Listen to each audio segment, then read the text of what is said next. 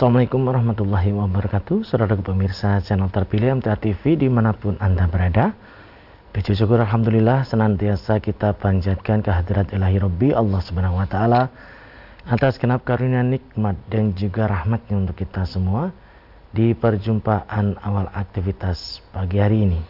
Kita jumpa kembali di program unggulan Fajar Hidayah dan Alhamdulillah sudah hadir Ustadz Dr. Setio Budi Santoso yang nanti akan melanjutkan pelajaran sekaligus memberikan pencerahan untuk kita semua di kesempatan kali ini.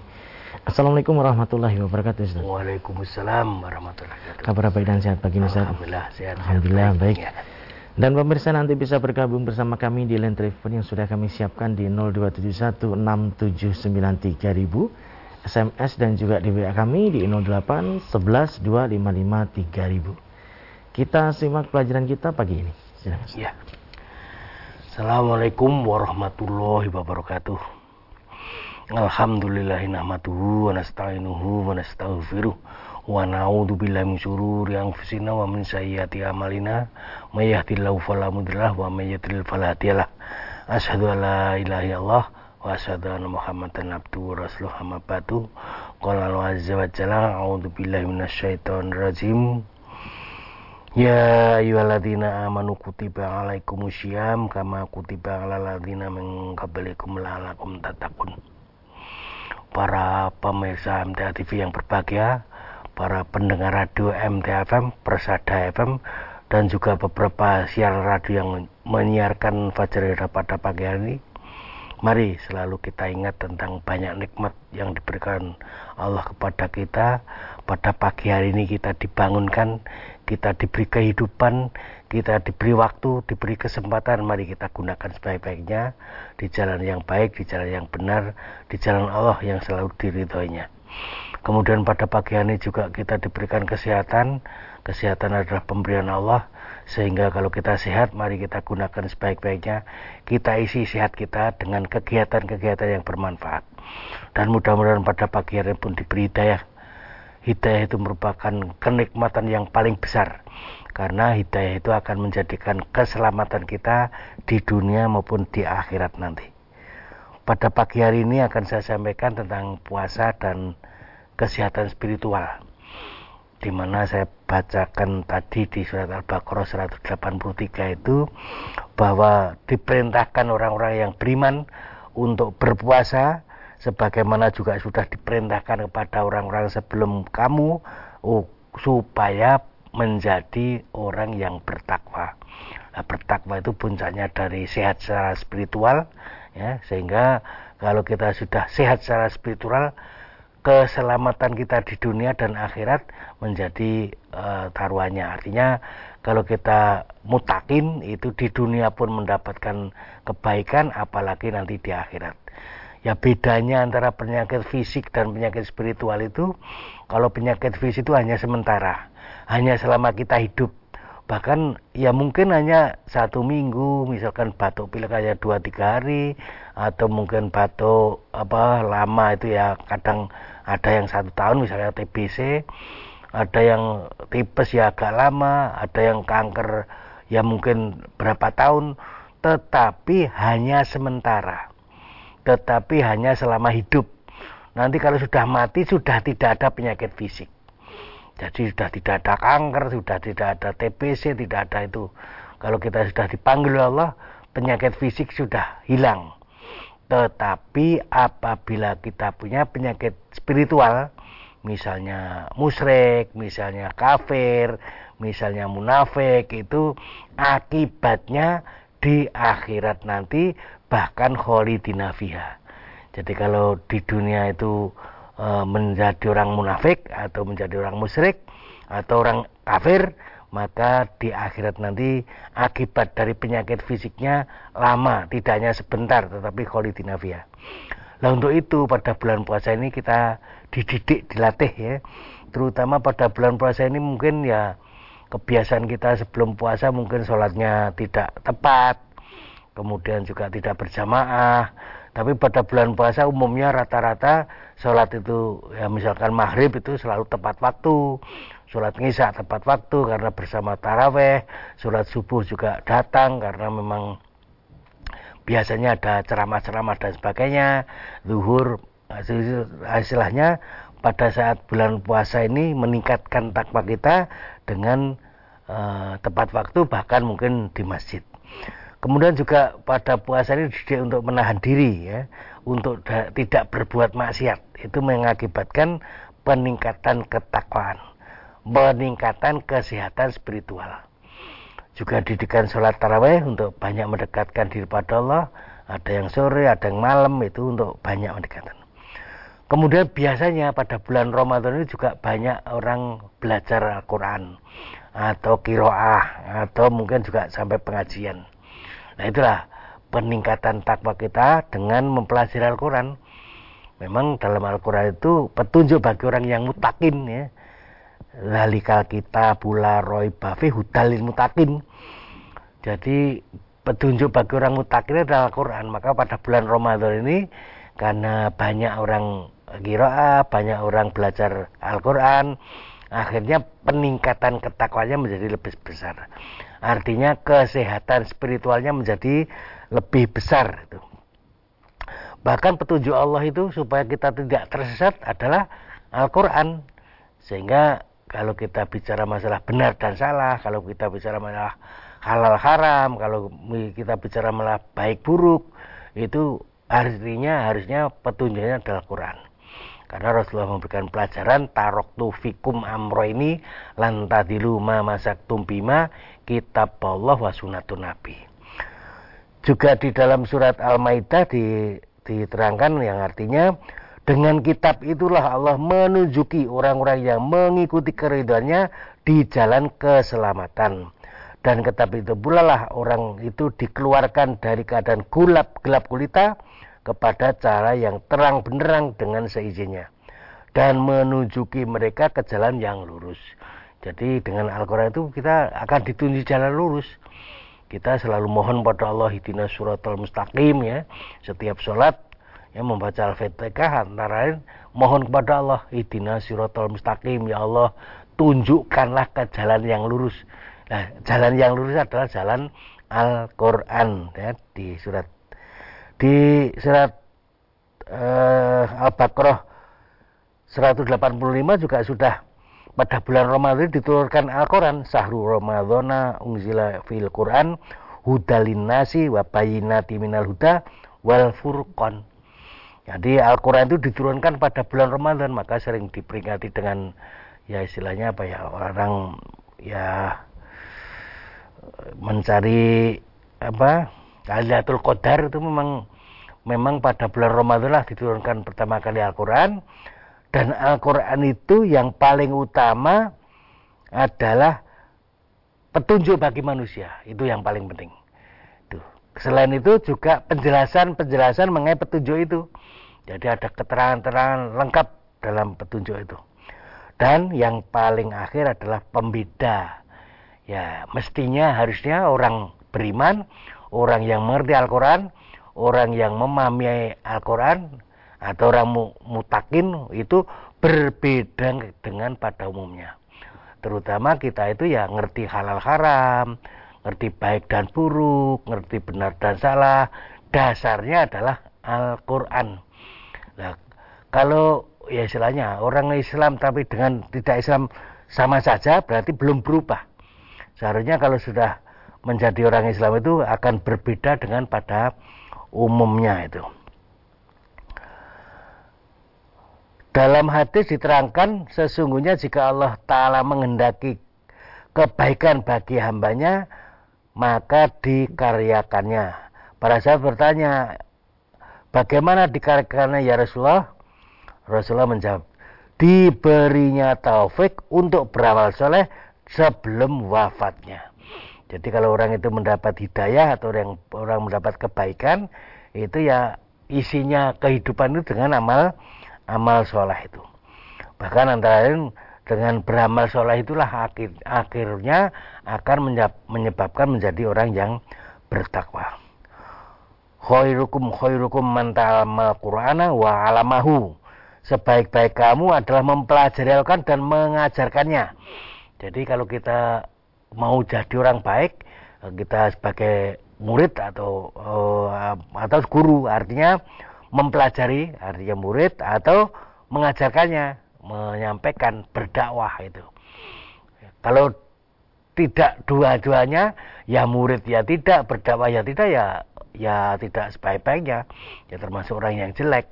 Tapi sebaik-baik manusia itu yang mempelajarinya atau mungkin ngaji dan mengajarkannya atau berdakwah gitu di hasil yang lain eh, barang siapa yang berpuasa tetapi tidak bisa meninggalkan meninggalkan kata-kata dusta dan perbuatan dusta, perbuatan maksiat, tidak ada kebutuhan bagi Allah dalam hal dia meninggalkan makan minumnya. Jadi kalau orang itu berpuasa tetapi masih berdusta atau juga masih berbuat dusta, berkata dosa, berbuat dosa, maka uh, Allah tidak membutuhkan ya puasanya. Artinya tidak tidak akan diberi pahala. Kemudian di surat yang lain ya memang fungsinya Al-Qur'an itu adalah untuk memberikan me, apa ya mengobati penyakit ya, terutama penyakit yang ada di dalam dada kita Ya ayuhan nas qad ja'akum mau'idatum mir rabbikum ulima fisudur wa hudaw wa rahmah lil muttaqin. Hei manusia, sesungguhnya telah datang kepadamu pelajaran dari Tuhanmu dan penyembuh bagi penyakit-penyakit yang ada dalam dada dan petunjuk serta rahmat bagi orang-orang yang beriman. Jadi kalau kita punya penyakit, penyakit spiritual itu adalah obatnya adalah Al-Quran. Jadi dengan mempelajari Al-Quran kita ngerti, oh saya punya penyakit munafik, oh saya punya penyakit fasik, saya punya penyakit musyrik karena dengan mempelajari Al-Quran. Tapi kalau kita tidak mempelajari kita tidak tahu. Hmm. Kita tidak paham bahwa sebenarnya kita punya penyakit. Misalnya penyakit sombong, ya, misalnya punya penyakit eh, istilahnya kafir tidak terasa. Munafik tidak terasa. Takabur ya. Pukir bakhil ya tidak terasa.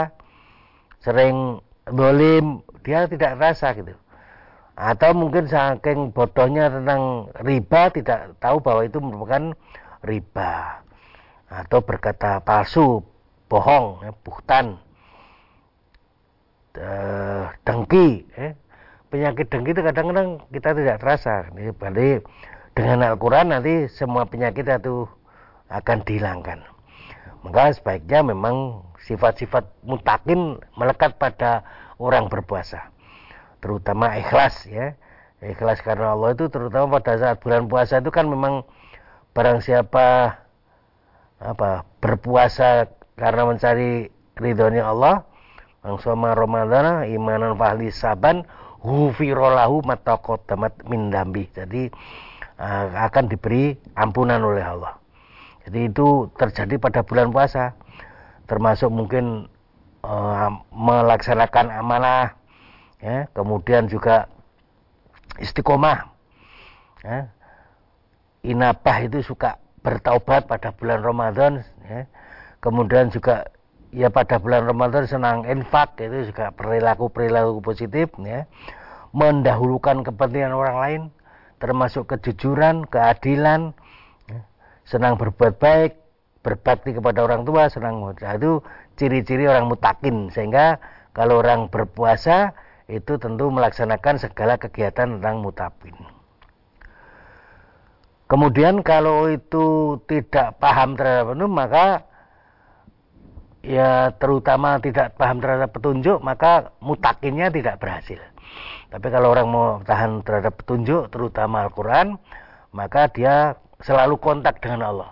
Hatinya kalau mendengar ayat-ayat Allah dibacakan itu bergetar kemudian juga bertambah keimanannya bertakwa ketakwanya dan selalu ingat bahwa nanti mereka akan kembali Adapun sebaliknya kalau memang sejak dulu itu ada penyakit dalam hatinya, maka Allah akan menambah penyakitnya. menambah kekafirannya. Se, di samping sudah ada kekafiran yang itu. Jadi di dalam hati mereka ada penyakit, ya, maradun, wazadahum. Allah akan menambah penyakitnya. Dan bagi mereka nanti mendapatkan siksa yang pedih itu. Puasa dilaksanakan dengan benar akan mendekatkan diri kepada Allah dengan banyak mendekatkan diri kepada Allah, iksan ya, maka dari segi spiritual, dari segi ketakwaan itu uh, posisi yang paling tinggi gitu. Wahai Rasulullah, apakah ihsan itu? Rasulullah menjawab, kamu menyembah pada Allah seolah-olah kamu melihatnya. Dan jika kamu tidak melihatnya, maka sesungguhnya dia melihatmu. Jadi kalau kita itu beramal ihsan, selalu kita ingat bahwa Eh, seolah kita melihat Allah, tetapi kalau kita tidak tidak melihat Allah, ketahuilah bahwa Allah selalu melihat kita sehingga kita berperilaku yang baik itu. Setiap amalan kebaikan dilakukan pada manusia dilipat gandakan dengan 10 kebaikan.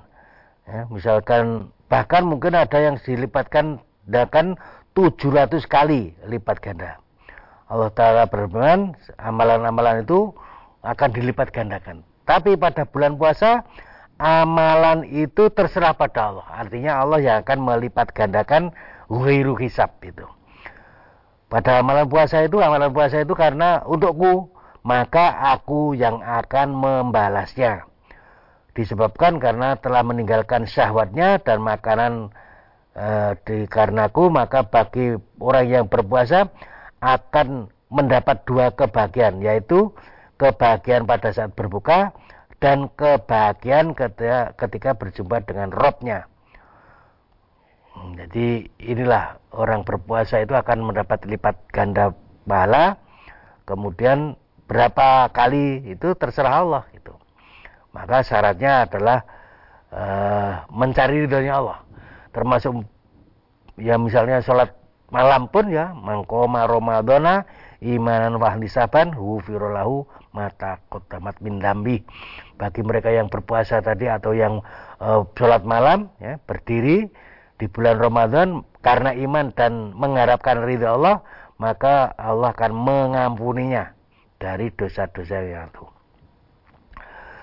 Ketika bulan Ramadan Rasulullah bersabda telah datang padamu bulan Ramadan bulan yang diberkahi Allah mewajibkan kepada kalian berpuasa pada bulan itu Ketika itu pintu-pintu surga dibuka, pintu-pintu neraka jahim ditutup, dan setan-setan terbelenggu. Dalam bulan itu ada satu malam yang lebih baik daripada seribu bulan. Barang siapa terhalang dari kebaikan, maka sungguh ia telah terhalang dari segala kebaikan. Jadi hadis ini diterangkan bahwa eh, pada bulan Ramadan orang yang melaksanakan puasa dengan sungguh-sungguh itu pintu-pintu surga dibuka. Artinya kesempatan beramal banyak kita melaksanakannya, nanti kesempatan masuk surga menjadi lebih besar. Kemudian pintu-pintu neraka ditutup, artinya kesempatan berbuat jelek itu diperkecil, kita tidak banyak berbuat jelek, terlibat maksiat, berbuat yang salah, dan setan-setan terbelenggu. Jadi gara-gara kita melaksanakan puasa dengan sungguh-sungguh, maka setan mati kutu, ya. Dia tidak bisa apa ya mempengaruhi manusia. Ya mungkin juga mengajak perbuatan jelek tidak bi tidak bisa. Maka barang siapa uh, berpuasa bulan, bulan Ramadan itu selalu berbuat baik selalu beramal soleh sehingga meningkatkan ketakwaan kepada Allah. Nah, itu intinya. Kalau meningkat pada takwa kepada Allah berarti peningkatan uh, kesehatan spiritualnya gitu. Tapi bagi mereka yang tidak punya alasan tidak berpuasa, maka tidak bisa diganti berpuasa selama-lamanya. Hati tadi diteruskan, barang siapa berbuka satu hari pada bulan Ramadan tanpa sebab, tanpa halangan, bukan karena sakit dan bukan karena ya berat atau mungkin musafir, maka tidak bisa diganti dengan puasa selama-lamanya. Nah ini dengan itu maka ya kita terhindar dari penyakit spiritual, akhirnya peningkatan ketakwaan menjadi lebih lebih besar. Terutama juga pada bulan puasa itu menahan hawa nafsu. Sehingga kalau orang itu mengikuti hawa nafsu nanti akan tersesat gitu. Tapi kalau dia bisa menahan diri, bisa tidak berbuat e, mengikuti hawa nafsu, maka e, ya terhindar dari penyakit-penyakit spiritual. Terutama nafsu harta, eh, nah tahta wanita itu bisa dikendalikan itu. Wahai orang yang beriman, jadilah kamu orang yang benar-benar penegak keadilan. Menjadi saksi karena Allah biarpun terhadap dirimu sendiri dan ibu bapak dan kaum kerabatmu. Jika ia kaya ataupun miskin, maka Allah lebih tahu kemaslahatnya. Maka janganlah kamu mengikuti hawa nafsu karena ingin menyimpang dari kebenaran. Dan jika kamu memutar balikkan kata-kata atau enggan menjadi saksi, maka sesungguhnya Allah mengetahui dari apa yang kamu kerjakan. Ya, ini penegak keadilan menjadi saksi, saksi yang benar, ya. Kemudian juga ya tidak boleh mengikuti hawa hawa nafsu. Dalam hadis diterangkan sesungguhnya di dalam surga terdapat pintu yang disebut royan yang mana besok pada hari kiamat orang-orang yang berpuasa masuk dari pintu itu dan tidak ada seorang pun yang masuk dari pintu itu selain dari mereka. Di manakah orang-orang yang berpuasa itu? Maka mereka berdiri lalu tidak ada seorang pun dari mereka selain masuk. Apabila mereka sudah masuk semua, maka pintu itu tutup sehingga tidak ada seorang pun yang masuk darinya. Jadi kalau sudah selesai semuanya orang berpuasa masuk, maka pintu royan ditutup. Berarti yaitu tadi orang yang berpuasa akan meningkatkan ya kesehatan spiritualnya. Apabila Ramadan maka uh, barang siapa yang memberi nafkah dua istri atau dengan apa pun dengan di jalan Allah maka ia akan dipanggil pintu-pintu surga. Wahai hamba Allah itu lebih baik dan dalam waktu lewat ia akan dipanggil para penjaga surga yaitu tiap-tiap pintu penjaga surga.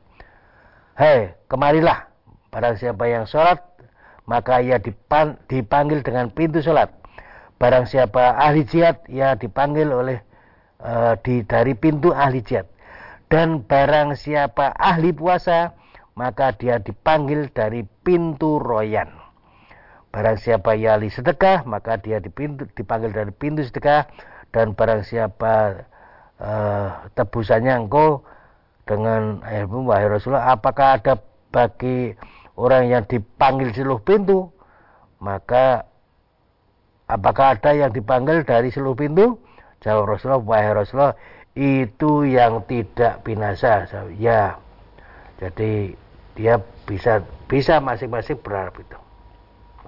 Dan yang paling akhir terutama di ya bagi mereka yang yang melaksanakan puasa itu mendapat ampunan dari Allah tadi gufirolahu mata pedamat mindamid. Jadi itu merupakan kesehatan spiritual. Di surat Yasin ayat 11 sesungguhnya kamu hanya memberi peringatan kepada orang yang kamu e, memberi peringatan dan takut kepada Tuhanmu yang Maha Pengurah walaupun dia tidak melihatnya maka berilah kabar gembira dengan ampunan pahala bagi orang yang mulia. Sedangkan orang kafir, mereka akan mendapat azab yang keras dari Allah. Ya, itu Hati akibatnya orang yang kafir itu dimasukkan ke dalam neraka. Ya saya kira itu saja yang saya sampaikan. Intinya kalau orang berpuasa itu meningkatkan ketakwaan kepada Allah, yaitu yang namanya orang sehat secara spiritual. Ya. Baik pemirsa, kami harapkan Anda bisa bergabung bersama kami di line telepon 02716793000, SMS dan juga di WA kami di 08112553.000. Namun sebelumnya kita akan simak beberapa informasi dalam rangkaian Ceda Pariwara berikut ini. Anda masih setia bersama kami, khususnya di program unggulan Fajar Hidayah di kesempatan pagi hari ini. Kami persilahkan di line telepon di 6793000 untuk bisa bergabung Halo, Assalamualaikum. Waalaikumsalam warahmatullahi wabarakatuh. Dengan siapa, di mana Bapak? Di, dari Pak Pasuki Purbalingga. Ya, silakan Pak Basuki Purbalingga. Assalamualaikum warahmatullahi wabarakatuh. Waalaikumsalam warahmatullahi wabarakatuh. Mari Pak Basuki Purbalingga. Ada orang yang berpuasa kalau sudah melewati 10 hari ke sana, pinggangnya terasa sakit dan matanya untuk melihat berkurang itu dikarenakan karena apa dan solusi solusinya bagaimana? Mohon dijelaskan. Terima kasih. Hmm, bentar. Ya. Baik, terima kasih. Ya, sebenarnya tidak ada hubungan antara penglihatan atau matanya berkurang dengan puasa tadi. Jadi kalau puasa itu tidak akan menjadikan mata apa ya istilah bahasanya mata blawor atau mata nah tentu harus diperiksa. Artinya kalau seseorang itu penglihatan berkurang karena apa ya? Yang paling sering karena memang sudah ya istilahnya punya punya kelainan refraksi namanya. Kelainan refraksi itu ada yang min ada yang plus terutama yang sepuh-sepuh itu karena karena kondisi ketuaannya itu akan makin positif makin positif. Nah itu memang pengobatannya dengan ya istilahnya mungkin dengan kacamata. Apa ada juga yang namanya uh, penyakit glaukoma ada namanya penyakit uh, katarak ada penyakit retina itu banyak sekali. Itu harus dicari harus diperiksakan. Minimal kepada dokter umum lalu dokter umum bisa ngira oh ini karena karena kelainan refraksi. Oh dikirim ke sana. Oh ini kelainan mungkin karena ketuaan karena misalnya katarak itu sebaiknya ke dokter mata misalnya. Oh ini ada latar belakang misalnya kencing manis kemudian retinanya. Jadi sebenarnya untuk puasa tadi tidak ada hubungannya dengan penurunan penglihatan. Kalau ada sebaiknya diperiksa dicari kenapa jadi karena mungkin karena ya tadi macam-macam penyakit tadi itu diketahui oleh dokter. Nah, intinya supaya diperiksakan. Ya, ya. Di line WA kita bacakan Ustaz Ya. Dari Ibu Sri di Purworejo. Ustadz, mengapa saya belum merasa bergetar saat mendengar Al-Quran dibacakan? Apakah ini karena tidak tahu artinya atau memang termasuk kurang takwanya Ustadz? Ya mudah-mudahan ya mungkin di antara kedua-duanya itu makanya sebaiknya ya selain rutin rajin membaca Al-Quran atau mungkin juga uh, rajin mendengarkan. Kan ayat-ayat Allah dibacakan itu didengarkan kemudian juga diartikan sehingga kita makin lama makin paham makin ngerti apa dari Al-Quran tadi. Kemudian juga ya tadi kalau ada pengajian-pengajian kalau ada penerangan-penerangan itu didengarkan sehingga nanti akan bergetar tahu apa itu ya istilahnya kebesaran Allah. Ya diterangkan tentang kebesaran Allah kita itu melihat diri kita sendiri kita akan melihat kebesaran Allah kita itu secara fisiknya itu kecil tetapi bisa ya berbuat apa saja ya, Allah memberikan kemampuan kita untuk misalnya berenang kemampuan kita untuk walaupun tidak punya sayap juga terbang walaupun naik pesawat itu kan itu kemampuan. Dan yang paling utama manusia itu diberi kemampuan akal. Jadi kalau diberi akal itu bisa membedakan baik dan buruk atau bisa uh, tahu baik dan buruk sehingga gitu. Termasuk bergetarnya itu memang alatnya yang dipakai adalah hati. Jadi kalau hati itu kita mendengar dengan hati insya Allah nanti Al-Quran itu akan terasa itu menggetarkan hati. Ya. Ya. Silakan telepon kembali penelpon berikutnya. Halo assalamualaikum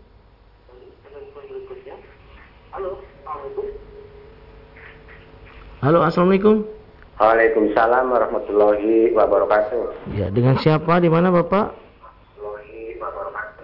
Dengan siapa? Di mana Bapak? Dari Palembang, Pak Hadi. Ya, silakan Pak Hadi. Di Palembang ya. Di Palembang, Pak Hadi. Assalamualaikum warahmatullahi wabarakatuh, Pak Ustaz. Waalaikumsalam warahmatullahi wabarakatuh. Mari Pak Hadi, Palembang. Gini Pak Ustaz, saya mau tanya masalah jima. Jima. Jima di siang hari pada bulan Ramadan. Itu kan sanksinya kan supaya puasa berturut-turut selama dua bulan ya. atau memberi makan 60 orang. Ya. Yang saya tanyakan atau memerdekakan budak. ternyata tidak mampu melaksanakan hal itu Pak Ustadz karena miskin. Ya. Mohon pencerahannya. Terima kasih. Wassalamualaikum warahmatullahi wabarakatuh. Waalaikumsalam warahmatullahi Ya. wabarakatuh. Ya kalau memang miskin atau tidak mampu semua hal tadi kan amat sangat berat itu.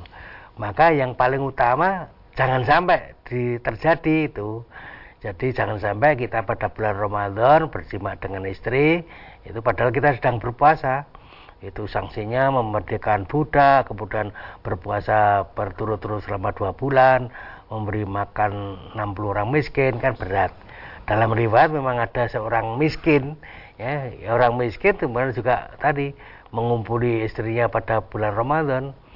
Ya itu jadi pelajaran bagi kita jangan berbuat itu. Jangan sengaja eh, berkumpul di siang hari dengan istri gitu. Apalagi miskin itu kaya pun jangan oh saya kalau cuma memberi makan 60 orang miskin eh, kecil. Ya udah saya kumpul aja dengan istri nanti memberi makan. Namun itu namanya menyengaja artinya dia bermaksiat kepada Allah. Walaupun dia mungkin orang kaya tuh. Apalagi orang miskin. Nanti kalau kalau yang paling utama ya jangan berbuat itu gitu. Ya. Ya. Kita lanjutkan kembali di WA Ustaz. Dari Ibu Siti di Karanganyar menanyakan terkait penyakit hati Ustaz. Yang Ya. pertama, apakah ada ayat yang isinya membahas tentang penyakit hati Ustaz? Yang kedua, mohon dijelaskan hal apa saja yang termasuk penyakit hati. ya Kemudian yang ada ya. tiga Ustaz ya. Gitu ya. Yang ketiga, bagaimana caranya agar diri ini terhindar dari penyakit hati? Ya, tadi sudah saya terangkan panjang lebar ya. Ya, jadi dalam Al-Quran itu amat sangat banyak tentang pelajaran penyakit hati. Ya, pelajaran penyakit spiritual. Dan memang penyakit hati ini pengobatannya hanya dengan Al-Quran, dengan As-Sunnah. Tidak bisa diobati dengan suntian, dengan pil, dengan infus, dengan ya secara fisik tidak ada. Salah satu ayat misalnya di surat eh, atau ayat 125 itu wa maladzina fi qulubihim maradun fazadahum fazadahum rizsan ila risihim wa matu wahum kafirun Adapun orang-orang yang di dalam hatinya ada penyakit, hatinya penyakit itu bukan penyakit fisik, tapi penyakit hati, penyakit yang ada dalam hatinya ada penyakit. Maka dengan surat itu bertambahlah kekafiran mereka di samping kekafiran yang telah ada pada eh, diri mereka sehingga mereka mati dalam keadaan kafir. Jadi orang itu kalau punya penyakit hati itu akan bertambah-tambah akhirnya matinya dalam kondisi kafir itu. Itu salah satu ayat misalnya yang tentang penyakit yang ada di dalam hati. Kemudian saya terangkan lagi obatnya adalah Al-Qur'an. Di surat eh, Yunus tadi Ya ayyuhalladzi ya ayyuhan nas qad ja'akum mau'izatum mir rabbikum wa shifaa'u lima fis sudur wa hudau wa rahmah lil mu'minin. Hai manusia sesungguhnya telah datang kepadamu pelajaran dari Tuhanmu dan penyembuh penyakit-penyakit jadi penyakit yang ada dalam hati itu dalam dada dan petunjuk dan rahmat bagi orang-orang yang beriman. Jadi itu salah satu ayat tentang tentang penyakit hati. Kemudian e, obatnya adalah Al-Qur'an itu tadi. Kemudian contoh-contoh penyakit hati amat sangat banyak itu. Yang kadang-kadang kita tidak terasa. Misalnya munafik, itu kan kadang kita tidak rasa. Ciri munafik itu kalau berkata dusta. Walaupun sholat, walaupun puasa, walaupun zakat, walaupun haji, tapi sering berdusta, itu namanya munafik. Itu. Kemudian juga mengingkari janji, berjanji, insya Allah ini silaturahmi, tapi hanya insya Allah, tapi hanya kamuflase, tapi sering meleset itu. Atau tidak amanah, ya. Bagai pejabat, korupsi itu namanya tidak amanah. Tidak terasa kita punya penyakit hati.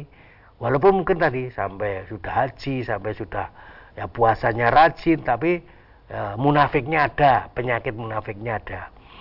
Ya, harus kalau orang itu ada tiga ciri munafik tadi, berbohong, kemudian mengingkari janji, khianat, itu namanya munafik tulen atau bahkan mungkin kalau berdebat uh, itu bergudul itu juga munafik itu. Kafir, kafir itu mengapa? Kafir itu sama saja, tidak berubah.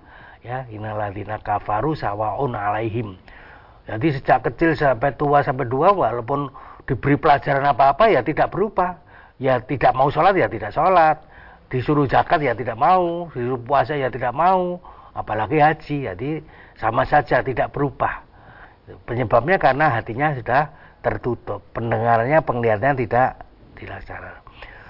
Yang ketiga yang paling besar misalnya musyrik. Musyrik itu kadang tidak tidak terasa ya tadi mungkin ada e, percaya jimat, mungkin ada percaya pada gunung atau mungkin juga ada e, tempat-tempat e, ya istilahnya tempat untuk ya istilahnya apa ya berbakti atau beribadah selain Allah itu namanya musyrik gitu.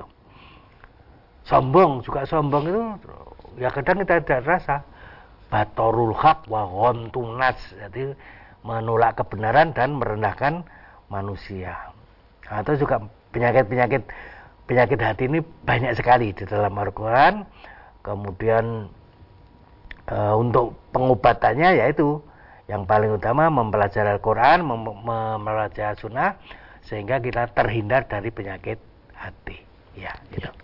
Masih ada kesempatan kami persilakan di telepon kembali. Halo, assalamualaikum. Terputus ya. Kita bacakan berikutnya Ustaz di WA dari Pak Nardi di Cilacap. Ustadz, bila amaliyah pasca Ramadan relatif sama dengan amaliyah sebelum Ramadan, apakah itu merupakan sinyalemen bahwa puasanya tidak mengantarkan pada ketakwaan, Ustaz? Iya. Itu tidak hanya rumah Ramadan ya, setiap waktu, setiap saat, setiap Eh, kesempatan itu mestinya orang itu akan berubah, berubah menjadi baik. Jadi kalau pada saat ini itu sama dengan kemarin, sama loh. Itu namanya sudah rugi, ya. Sudah rugi walaupun sama, sama saja itu rugi. Ya, jadi mestinya harusnya bertambah, meningkat itu. Apalagi bulan Ramadan ini dengan segala kegiatannya harus meningkat. Setiap saat, setiap waktu tidak bulan Ramadan pun nanti terus berubah meningkat dan sebagainya. Itulah orang yang beruntung. Tapi kalau menurun itu yang paling berat celaka. Jadi kalau makin menurun makin menurun itu namanya orang celaka. Sama itu sudah rugi gitu. jadi sama saja tidak berubah itu sudah rugi. Maka kalau kita bulan puasa kok ya bahasa saya amaliyahnya sama kemudian juga ketakwanya sama mungkin juga ya kedekatannya kepada Allah sama peningkatan ketakwanya kurang itu kan berarti sama saja itu sudah rugi. Yang paling betul yang paling benar setiap waktu setiap saat itu harus meningkat. Apalagi bulan Ramadan bahasa saya seperti orang ditatar ya orang dilatih ya. Yang namanya makan minum berkumpul suami istri kan hal yang wajar, hal yang halal. Kalau tidak bulan puasa kita boleh saja makan, minum apa saja boleh, yang yang halal. Kemudian e, berkumpul suami istri ya boleh setiap waktu, pagi, siang, sore, malam boleh. Tapi pada bulan Ramadan dilatih untuk menahan diri, dilatih untuk tidak makan, tidak minum, tidak berkumpul suami istri. Mestinya, harusnya, seharusnya setelah bulan Ramadan atau juga bulan Ramadan pun untuk menghindari yang diharamkan tentu lebih lebih mudah, lebih bisa karena apa? Hal yang halal saja supaya berhenti supaya pada bulan Ramadan dihindari tidak makan, tidak minum, minum tidak kumpul suami istri bisa. Apalagi untuk hal yang haram itu tentu lebih bisa kalau orang berpuasa. Lah yang kadang-kadang menjadi tidak bisa penyebabnya karena tidak tahu bahwa itu merupakan barang haram, tidak tahu bahwa itu tidak boleh gitu. Jadi misalnya berbohong itu cara bohong itu biasa, padahal itu tidak boleh. misalnya juga berdu, apa mengingkari janji itu hal yang biasa.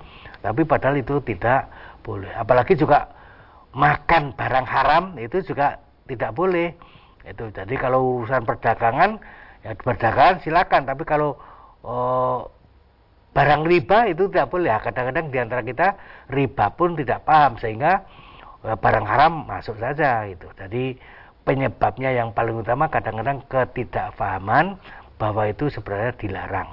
Mengapa tidak paham? Karena tidak mempelajari Al-Quran dan As-Sunnah sehingga kalau kita mempelajari Al-Quran dan As-Sunnah oh ini boleh, oh ini tidak boleh, oh ini yang diperintahkan, oh ini yang dilarang, oh ini yang dibolehkan dan sebagainya. Jadi intinya harus kembali kepada Al-Quran dan As-Sunnah. Ya. Baik Ustaz, sekiranya sudah di penghujung perjumpaan kali ini ada yang bisa disampaikan sebagai nasihat, silakan Ustaz. Ya, jadi ini puncak dari berpuasa adalah berhubungan dengan penyakit spiritual. Jadi bagi mereka yang berpuasa dengan betul, maka ada peningkatan ketakwaan. Nah, peningkatan ketakwaan itu adalah sehat secara spiritual. Sebaliknya kalau tidak takwa atau e, malah penurunan dari ketakwaan, bahkan mungkin ada penyakit-penyakit spiritual, berarti puasanya tidak berhasil karena memang puasanya tujuannya adalah lalakum tatakun. Jadi dengan bertakwa maka sehat secara spiritual. Untuk itu memang untuk mengetahui eh, apa-apa yang diperintahkan, apa yang dilarang, apa yang dibolehkan dan sebagainya, itu harus kita pelajari Al-Quran. Memang Al-Quran itu turun pada bulan Ramadan. Fungsinya apa? Petunjuk, juga penjelasan mengenai petunjuk dan pembeda. Pembeda antara hak dan batil, pembeda antara halal dan haram, pembeda antara yang diperintahkan yang di uh, dilarang itu akhirnya harusnya kita harus belajar sehingga kita akan paham sehingga kita bisa meningkatkan ketakwaan kita kepada Allah ya ya kami sampaikan terima kasih atas ya. pelajarannya Ustaz. Assalamualaikum ya. warahmatullahi wabarakatuh. Waalaikumsalam warahmatullahi wabarakatuh. Baik saudaraku pemirsa channel terpilih MTA TV di mana pun anda berada. Demikian tadi telah kita simak dan ikuti bersama program unggulan Fajar Hidayah di kesempatan pagi hari ini. Kita jumpa di kesempatan mendatang. Saya Tomel Fatani pamit undur. Alhamdulillah di alamin subhanakallahumma wa bihamdika asyhadu an la ilaha anta astaghfiruka wa atubu. Assalamualaikum warahmatullahi wabarakatuh.